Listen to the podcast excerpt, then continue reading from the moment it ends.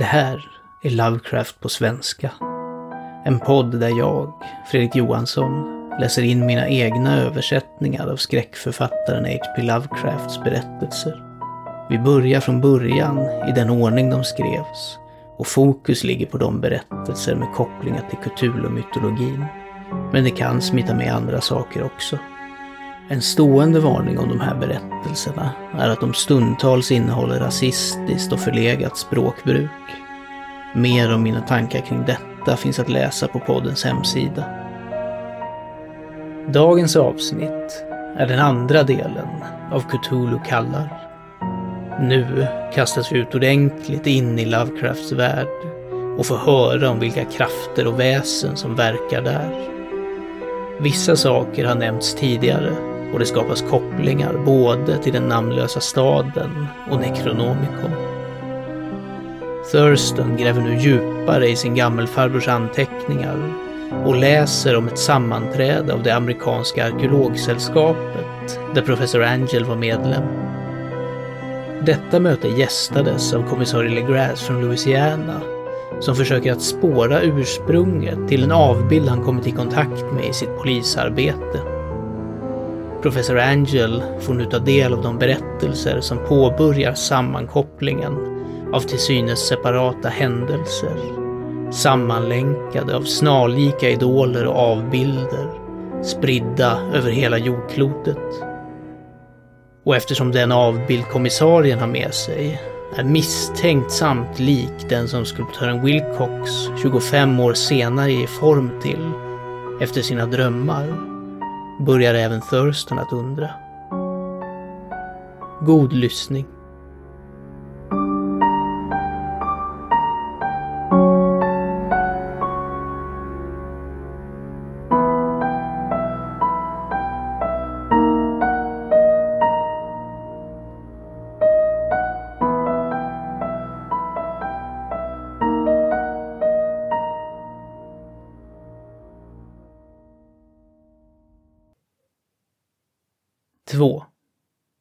Kommissarie Legrasses berättelse.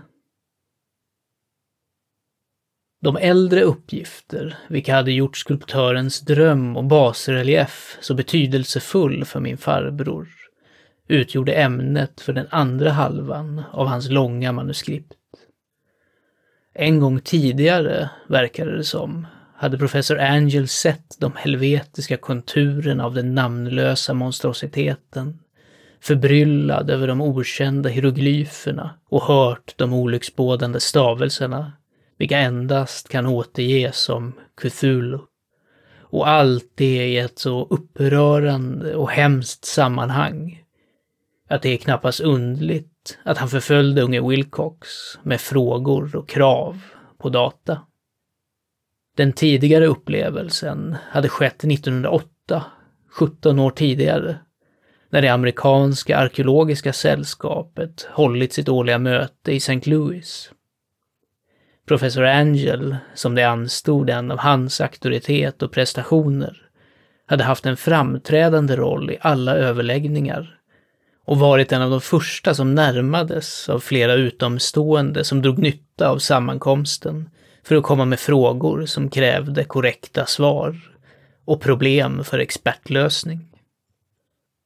Den främsta av dessa utomstående och på kort tid centrum av intresse för hela mötet var en till utseende alldaglig medelålders man som hade rest hela vägen från New Orleans för viss speciell information oåtkomlig från någon lokal källa.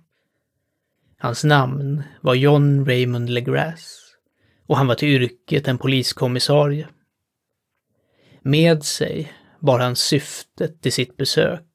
En grotesk, motbjudande och till synes väldigt gammal stenstatyett, vars ursprung han var oförmögen att fastställa. Man ska inte föreställa sig att kommissarie LeGras hade det minsta intresse i arkeologi. Tvärtom, hans önskan om upplysning var föranledd av rent professionella överväganden. Statyetten idolen, fetischen eller vad det nu var, hade erövrats några månader tidigare i de skogsbevuxna träsken söder om New Orleans under en räd av ett förmodat vodomöte. Och så egendomliga och ohyggliga var riterna förknippade med det, att polisen inte kunde undvika insikten att de snubblat över en mörk kult fullständigt okänd för dem och oändligt mer diabolisk än de svartaste av de afrikanska vodocirklarna. Av dess ursprung, förutom från osammanhängande och otroliga berättelser från de tillfångatagna medlemmarna, kunde absolut ingenting hittas. Därav polisens iver för någon antikvarisk lärdom som kunde hjälpa dem att placera den skrämmande symbolen och genom den spåra kulten till dess källa. Kommissarie Legrasse var knappast beredd på den sensation som hans framförande skapade. En enda blick på föremålet hade räckt för att kasta de församlade vetenskapsmännen in i ett tillstånd av spänd upphetsning. Och de förlorade ingen tid för att trängas runt dem och stirra på den ringa figuren vars yttersta märklighet och aura av genuin bottenlös antikvitet antydde så potent på oöppnade och arkaiska vyer. Ingen känd skulpturskola hade format detta fruktansvärda föremål. Men ändå verkade århundraden och till och med årtusenden finnas återberättande i dess mörka och grönaktiga yta av obestämbar sten. Figuren, som slutligen långsamt skickades från man till man för nära och noggrann undersökning, var mellan sju och åtta tum hög och av utsökt konstnärligt hantverk.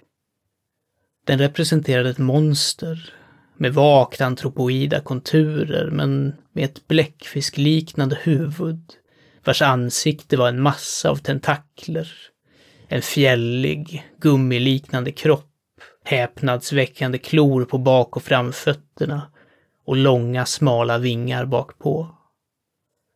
Denna sak, vilken verkade genomsyrad med en skräckinjagande och onaturlig illvilja, hade en något uppsvälld korpulens och hukade sig ondsint på ett rektangulärt block eller piedestal täckt med otydbara tecken. Toppen av vingarna rörde blockets bakkant Sätet upptog mitten, medan de långa böjda klorna på de dubbelvikta hukande bakbenen greppade framkanten och sträckte sig en fjärdedel av vägen ner mot botten av piedestalen. Bläckfiskhuvudet var böjt framåt så att ändarna på ansiktstentaklerna snuddade baksidan av de stora framtassarna vilka omfamnade hukarens upphöjda knän aspekten av det hela var abnormalt verklighetstrogen. Och desto mer subtilt fruktansvärd, eftersom dess källa var så totalt okänd. Dess väldiga, enorma och oberäkneliga ålder var omisskännlig. Ändå fanns ingen länk som visade en koppling till någon känd typ av konst tillhörande civilisationens ungdom, eller någon annan ålder heller. Helt separat och avsides var själva materialet ett mysterium. För den grönsvarta täljstenen med dess gyllene eller skimrande fläckar och räfflingar liknade ingenting som var bekant för geologi eller mineralogi. Karaktärerna längs med basen var lika förbryllande. Och ingen närvarande medlem, trots en representation av hälften av världens expertkunskaper inom detta område, kunde forma den minsta föreställning om ens dess avlägsnaste språkliga släktskap. De, likt föremålet och materialet, hörde till något fruktansvärt avlägset och skilt från mänskligheten som vi känner den. Något skrämmande antydande om gamla och ohelgade cykler av liv, i vilken vår värld och våra föreställningar inte har någon del. Och ändå när medlemmarna allvarligt skakade på sina huvuden och erkände sig besegrade av kommissariens problem, fanns det en man i sammankomsten som misstänkte ett spår av bizarr bekantskap i den monstruösa formen och skriften och som nu berättade berättade med en viss osäkerhet om den udda småsaken han kände till. Den här personen var den avlidna William Channing Webb, professor i antropologi vid Princeton University och en framstående upptäcktsresande. Professor Webb hade 48 år tidigare varit delaktig i en expedition till Grönland och Island i jakt på några runskrifter som han inte lyckades gräva fram. Och medan han var högt uppe på Grönlands västkust hade han stött på en egendomlig stam eller kult av degenererade eskimoer vars religion, en märklig form av djävulsdyrkan, kylde honom med dess avsiktliga blodtörst och anstötlighet. Det var en tro om vilken de andra eskimoerna visste lite och vilken de nämnde endast med rysningar och sa att den hade kommit ner från fruktansvärt urgamla eoner innan ens världen skapats. Förutom namnlösa riter och människooffer fanns det vissa märkliga nedärvda ritualer riktade till en högstående äldre djävul eller tornasuk. Och av detta hade professor Webb tagit en noggrann fonetisk kopia från en åldrad angekock, eller trollkarlspräst som uttryckte ljuden med romerska bokstäver så gott som han kunde. Men just nu var den primära signifikansen den fetisch, vilken den här kulten hade skattat och runt vilken de dansat när norrskenet hoppade högt över isklipporna. Den var, konstaterade professorn, en mycket grov basrelief av sten bestående av en avskyvärd bild och en del kryptisk skrift. Och så vitt han kunde minnas var det en grov parallell i alla väsentliga drag till den bestiala sak som nu låg framför alla på mötet. Dessa uppgifter som mottogs med spänning och häpnad av de församlade medlemmarna, visade sig vara dubbelt upphetsande för kommissarie Legrasse och han började genast en utfrågning av sin informatör. Efter att ha noterat och kopierat en muntlig ritual från de träskkultsdyrkare hans män hade arresterat, bönföll han professorn att minnas så gott han kunde de stavelser som antecknats bland de diaboliska eskimoerna. Sedan följde en omfattande jämförelse av detaljer och en stund av riktig häpnadsväckande tystnad när både detektiv och vetenskapsman kom överens om den faktiska identiteten för den fras som var gemensam för två helvetiska ritualer på så många världars avstånd från varandra. Det, i huvudsak, som både Eskimotrollkarlarna och de louisianska träskprästerna hade mässat till sina besläktade idoler, var någonting mycket likt detta. Ordindelningarna har gissats, baserat på traditionella avbrott i frasen när den mässades högt. Fenglui Maglnaf, Cthulhurie, Vaganagelftagn. Legrasse låg ett steg före professor Webb för flera av hans rasblandade fångar hade upprepat för honom vad äldre celebranter hade sagt till dem att orden betydde. Den här texten, som given, lyder något så här. I sitt hus i Rilje väntar döde Cthulhu drömmande.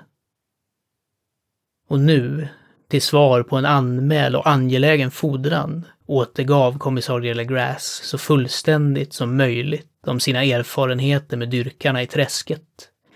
Berättade en historia till vilken jag kunde se att min farbror fäste stor betydelse. Den tog tillvara på de vildaste drömmarna av mytskapare och teosof och avslöjade en häpnadsväckande grad av kosmisk föreställning bland sådana halvblod och parior som man minst av allt kunde förvänta sig innehar den.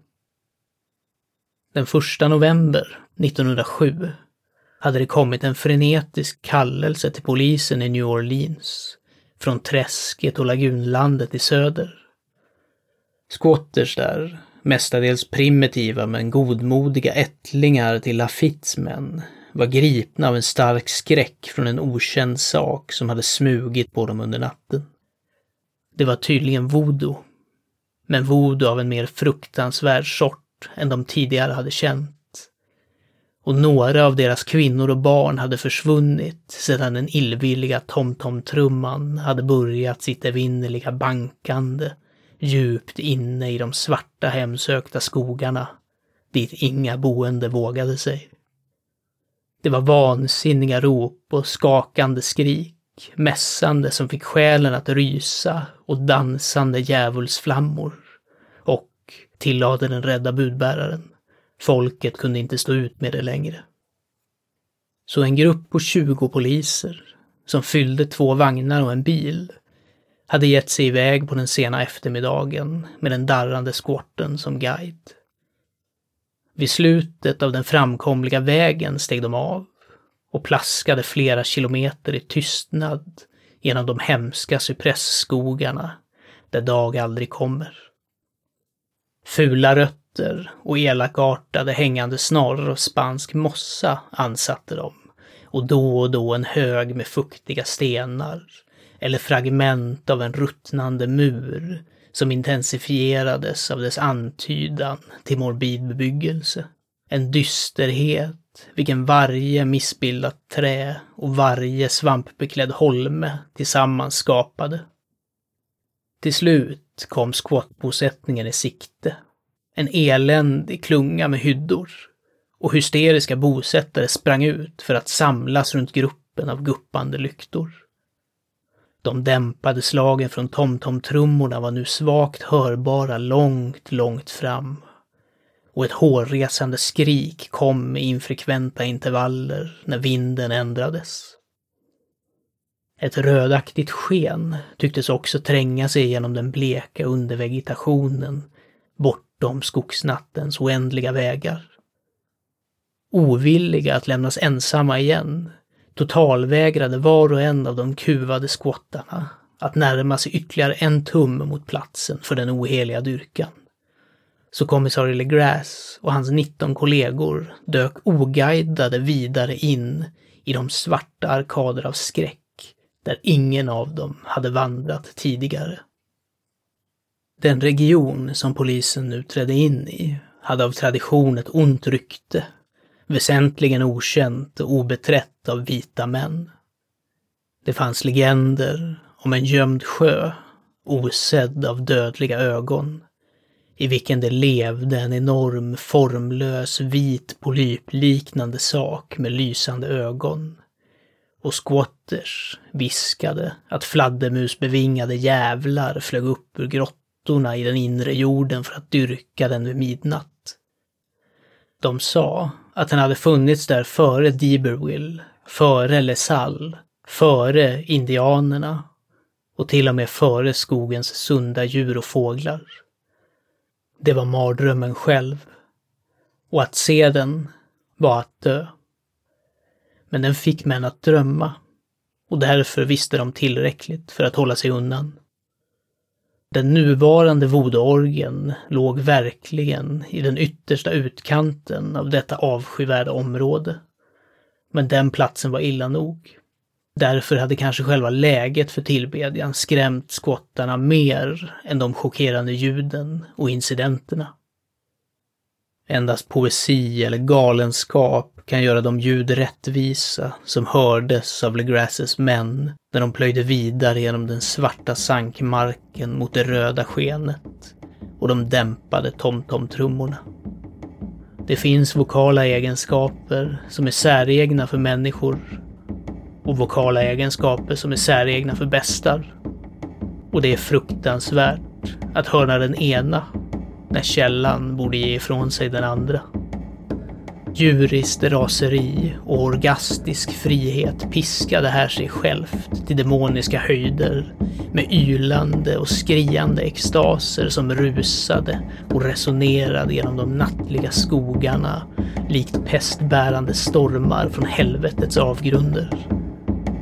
Då och då upphörde den mindre organiserade ululeringen och från vad som verkade vara en väl exercerad kör av hesa röster steg det upp i sjungande mässande den ohyggliga frasen eller ritualen Bunglui Maglanaf Thulurljevagenagelftag. Då kom männen. Efter att ha nått en plats där träden var glesare, plötsligt i sikte av spektaklet självt. Fyra av dem vinglade till.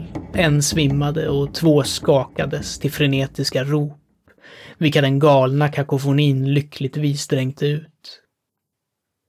Legrasse skvätte träskvatten i ansiktet på den svimmande mannen och alla stod darrande och nästan hypnotiserade av fasa.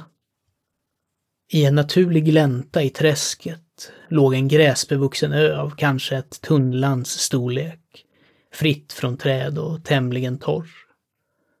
På denna hoppade och vred sig en obeskrivlig hord av mänsklig abnormalitet som ingen förutom en saim eller en angarola kunde måla. Detta hybridyngel, avsaknad av kläder, skriade, brölade och vred sig runt ett monstruöst ringformat bål, vilken det i mitten av, avslöjad av enstaka sprickor i ridån av flammor, stod en stor granitmonolit som var cirka åtta fot hög, ovanpå vilken, inkongruent med dess ringa storlek, vilade den osunda, snidade statyetten. I en vid cirkel av tio ställningar, uppsatta i regelbundna intervaller med den eldomgärdade monoliten i centrum, hängde, med huvudet neråt, de märkligt fördärvade kropparna av de hjälplösa skåters som hade försvunnit. Det var inuti denna cirkel som ringen av tillbedjare hoppade och vrålade. Den allmänna riktningen för massans rörelse var från vänster till höger i en ändlös bakanal mellan ringen av kroppar och ringen av eld. Det kan ha varit endast inbildning och det kan ha varit endast ekorna som förorsakade en av männen, en hetsig spanjor, att tro att han hörde antifonala svar på ritualen från någon avlägsen och obelyst plats djupare in i skogen av forntida legender och skräck. Den här mannen, Joseph D. Galvez, träffade jag senare och utfrågade och han visade sig vara distraherande fantasifull. Han gick till och med så långt att han antydde om svaga slag från stora vingar och om en glimt av skinande ögon och en enorm vit kropp bortom de mest avlägsna träden. Men jag antar att han hade hört för mycket av lokalbefolkningens vidskepelse. I själva verket var männens förskräckta paus av jämförelsevis kort varaktighet. Plikten kom först. Och även om det måste ha funnits nästan hundra rasblandade celebranter i skaran förlitade sig polisen på sina skjutvapen och kastade sig bestämt in bland de vidriga uppviglarna. Under fem minuter var det resulterade larmet och kaoset bortom beskrivning. Vilda slag fälldes, skott avlossades och flyktförsök gjordes. Men till slut kunde Legrasse räkna 47 bittra fångar, vilka han tvingade att klä sig i all hast och falla in i led mellan två rader av polismän. Fem av tillbedjarna låg döda och två svårt skadade bars bort på improviserade bårar av sina medfångar. Bilden på monoliten togs såklart försiktigt bort och bars tillbaka av Legrasse. Efter undersökningar vid högkvarteret efter en resa av intensiv ansträngning och utmattning visade sig alla fångarna vara män av en mycket låg, blodsblandad och mentalt avvikande typ.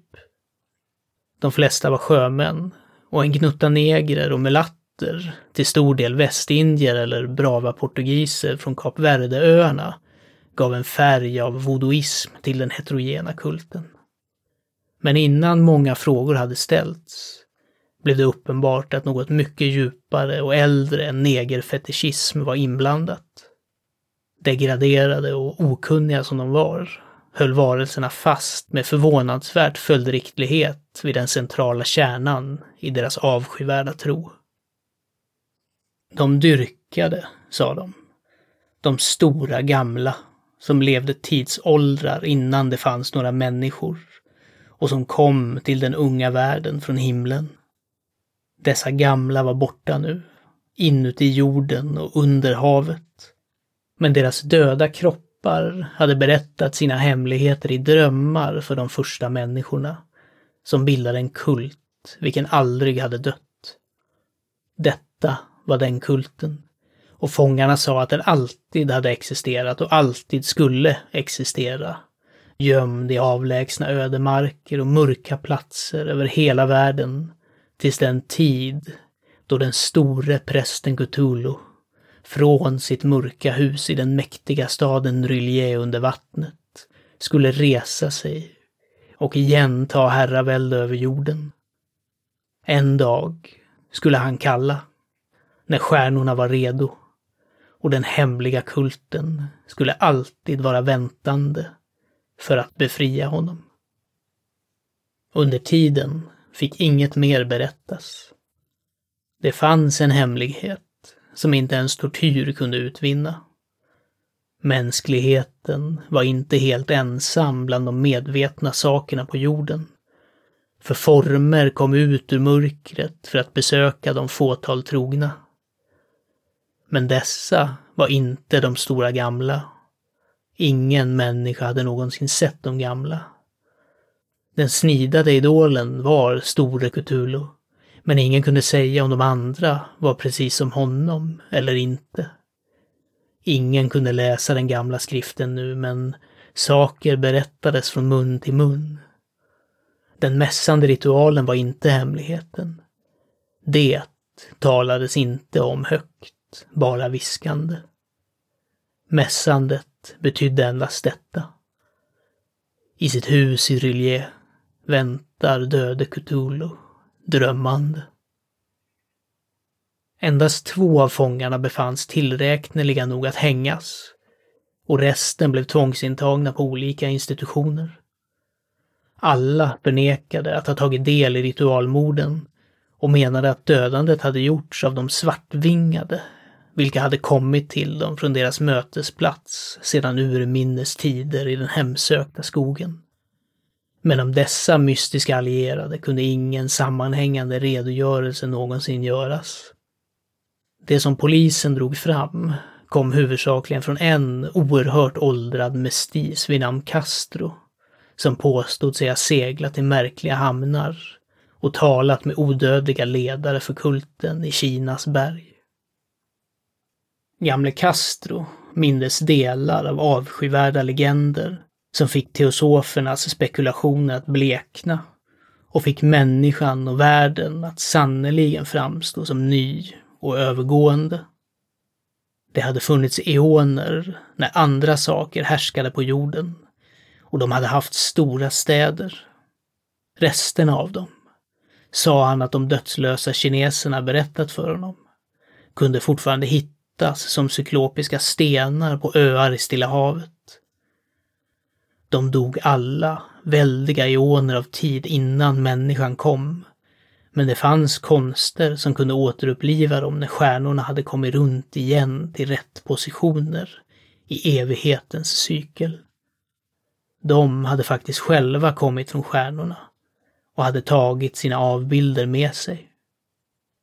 Dessa stora gamla, fortsatte Castro, var inte helt sammansatta av kött och blod. De hade form, för bevisade inte denna stjärnformade bild det.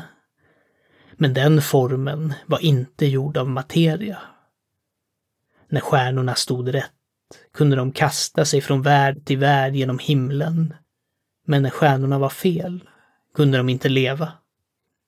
Men fastän de inte längre levde skulle de aldrig riktigt dö.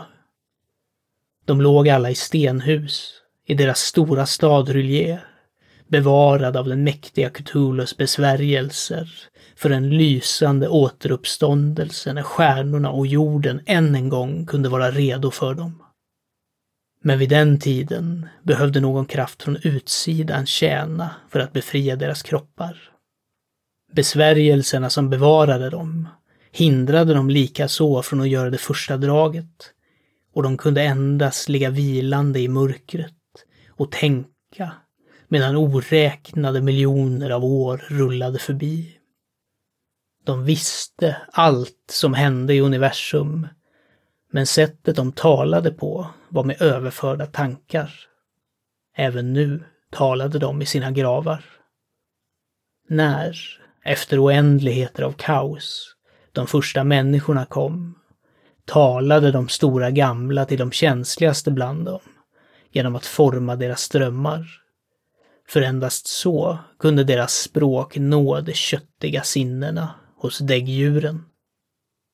Då, viskade Castro, bildade dessa första människor kulten kring de små idolerna, vilka de stora visade dem. Idoler som fördes till dunkla områden från mörka stjärnor.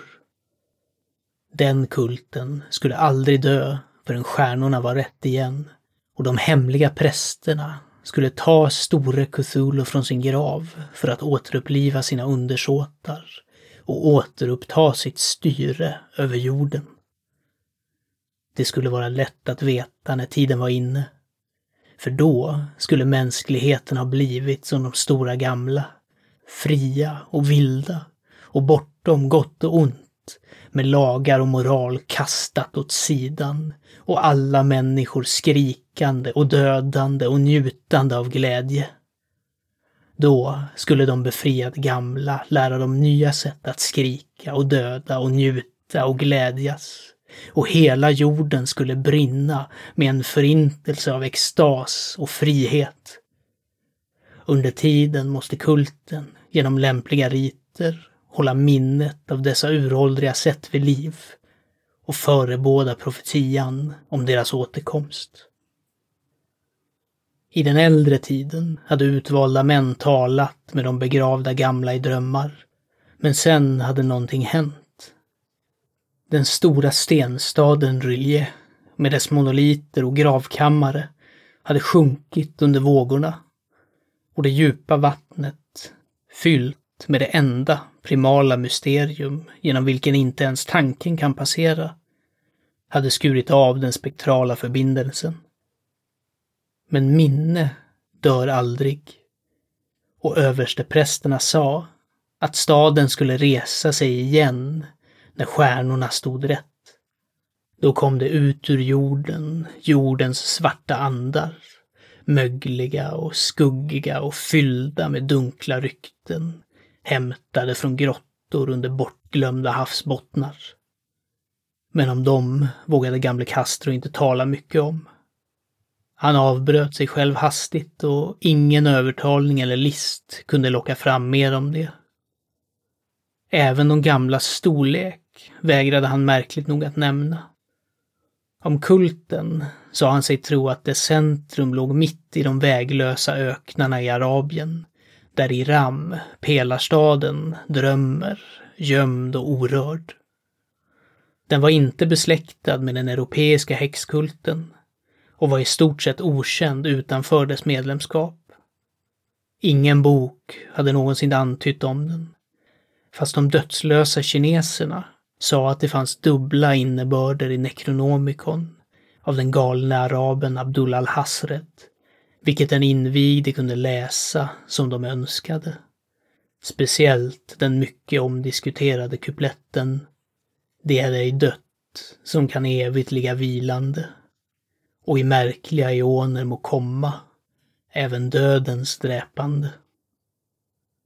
Detta gjorde ett djupt intryck på Legrasse och inte så litet förvirrad hade han förgäves hört sig för om kultens historiska anknytningar. Castro hade tydligen talat sanning när han sa att den var helt hemlig. Auktoriteterna vid Tulane University kunde inte sprida något ljus över vare sig kult eller avbild. Och nu hade kommissarien kommit till de högsta auktoriteterna i landet och mötts av inget mer än professor Webbs Grönlandsberättelse. Det febriga intresset som uppstod vid mötet av Legrasses berättelse, bestyrkt som det var av statyetten, dröjer sig kvar i den efterföljande korrespondensen av de som deltog, även om det knappt nämns i sällskapets formella publikationer. Aktsamhet är den första försiktighetsåtgärden som tas av de som är vana att möta enstaka kvacksalveri och bedrägeri. Legras lånade under en tid ut avbilden till professor Webb. Men vid den senares död återlämnades den till honom. Och den har förblivit i hans ägo. Där jag såg den för inte så länge sedan. Det är i sanning en hemsk sak och omisskännligt relaterad till unge Wilcox drömskulptur. Att min farbror var exalterad av skulptörens berättelse förundrade mig inte. För vilka tankar måste ha uppstått när man hör, efter att ha kunskapen om vad LeGrasse hade lärt om kulten. Om en känslig ung man som hade drömt inte bara om figuren och de exakta hieroglyferna från avbilden funnen i träsket och den grönländska djävulsplattan, utan hade i sina drömmar kommit över minst tre av de specifika orden i formen som yttrades likadant av Eskimo-diabolister och de rasblandade louisianerna. Professor Angels omedelbara start på en utredning av ytterst grundlighet var i högsta grad naturlig. Fast privat misstänkte jag unge Wilcox för att ha hört talas om kulten på något indirekt sätt och att han uppdiktat en serie av drömmar för att förhöja och fortsätta mysteriet på min farbrors bekostnad. Drömnarrativen och klippen som samlats av professorn var såklart kraftigt bestyrkande. Men mitt sinnes rationalism och hela sakens extravagans fick mig att anta vad jag ansåg var de mest förnuftiga slutsatserna. Så, efter att grundligt studerat manuskriptet igen och korrelerat de teosofiska och antropologiska anteckningarna med kultnarrativet från Legras, reste jag till Providence för att träffa skulptören och ge honom den tillrättavisning jag ansåg lämplig för att så djärvt bedragit en så lärd och gammal man. Wilcox bodde fortfarande ensam i Fleur de Lys-byggnaden på Thomas Street. En fruktansvärd viktoriansk imitation av 1600-talets bretonska arkitektur som stoltserar sin stuckaterade framsida bland de förtjusande koloniala husen på den gamla kullen och i skuggan av det finaste georgianska kyrktornet i Amerika. Jag fann honom arbetande i hans rum och medgav genast att från de exempel som var utspridda att hans geni sannerligen var djupsinnigt och autentiskt.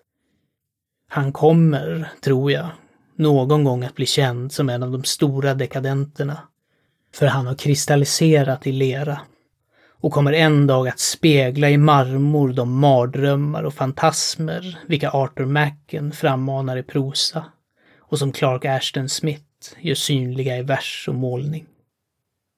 Mörk, ömtålig och något ovårdad till utseende vände han sig slött vid min knackning och frågade vad jag ville utan att resa sig. När jag berättade för honom vem jag var visade han visst intresse.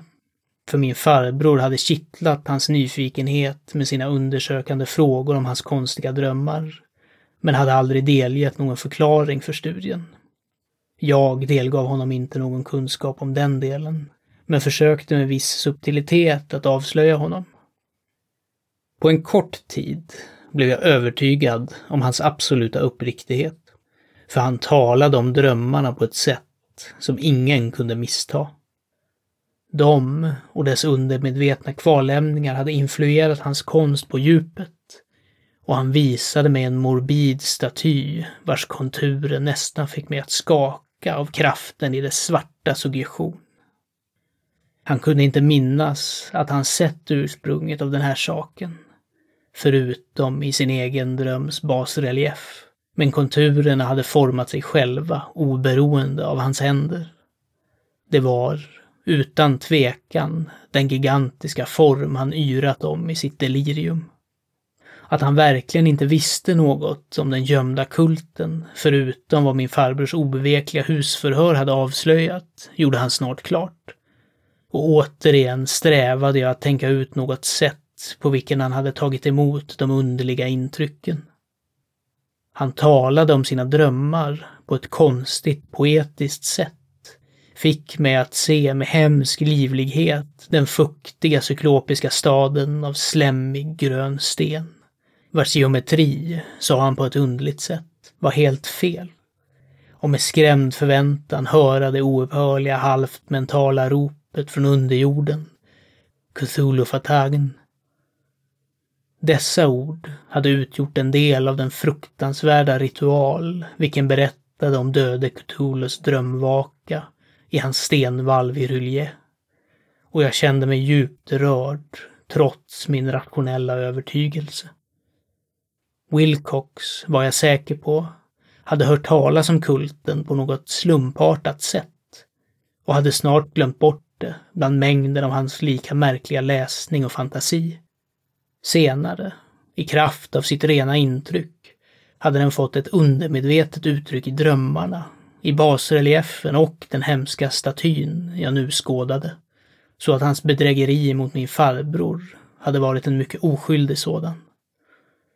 Ynglingen var av en typ, samtidigt känslosam och lätt ohyfsad, vilket jag aldrig kunde gilla. Men jag var villig nog att erkänna både hans geni och hans ärlighet.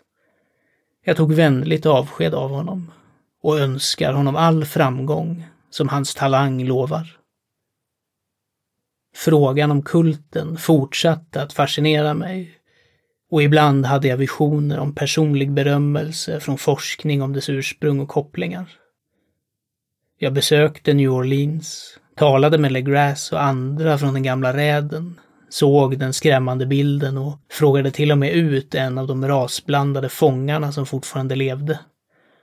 Gamle Castro hade olyckligt nog varit död några år.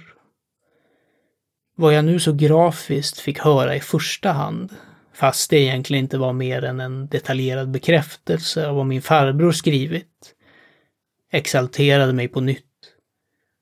För jag kände mig säker på att jag var på spåren av en mycket verklig, mycket hemlig och mycket uråldrig religion vars upptäckt skulle göra mig till en ansedd antropolog. Min inställning var fortfarande en av absolut materialism som jag önskar att den fortfarande var. Och jag avfärdade med nästan oförklarlig perversitet sammanträffandet av drömteckningarna och de udda utklippen som samlats av professor Angel. En sak som jag började misstänka, och vilken jag nu fruktar att jag vet, är att min farbrors död var långt från naturlig. Han föll på en smal gata i en backe som ledde upp från ett gammalt hamnområde, svärmande med utländska rasblandade, efter en vårdslös knuff från en negersjöman. Jag glömde inte det blandade blodet och marina sysselsättningarna hos kultmedlemmarna i Louisiana och skulle inte bli förvånad över att höra om hemliga metoder och giftnålar, lika hänsynslösa och lika urgamla som de kryptiska riterna och tron. LeGrasse och hans män, det är sant, har lämnats i fred. Men i Norge är en viss sjöman som såg saker död. Kan inte de djupare undersökningarna min farbror gjorde, efter att ha stött på skulptörens uppgifter, ha nått olycksbådande öron? Jag tror professor Angel dog för att han visste för mycket. Eller för att det var sannolikt att han skulle lära sig för mycket. Huruvida det ska gå för mig som för honom återstår att se. För jag har lärt mig mycket nu.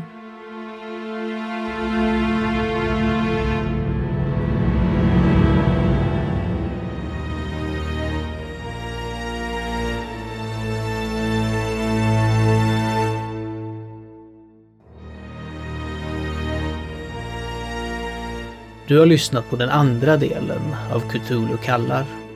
En berättelse av Howard Phillips Lovecraft som skrevs sommaren 1926 och som publicerades för första gången i februari 1928 i Weird Tales i det andra numret av den elfte utgåvan.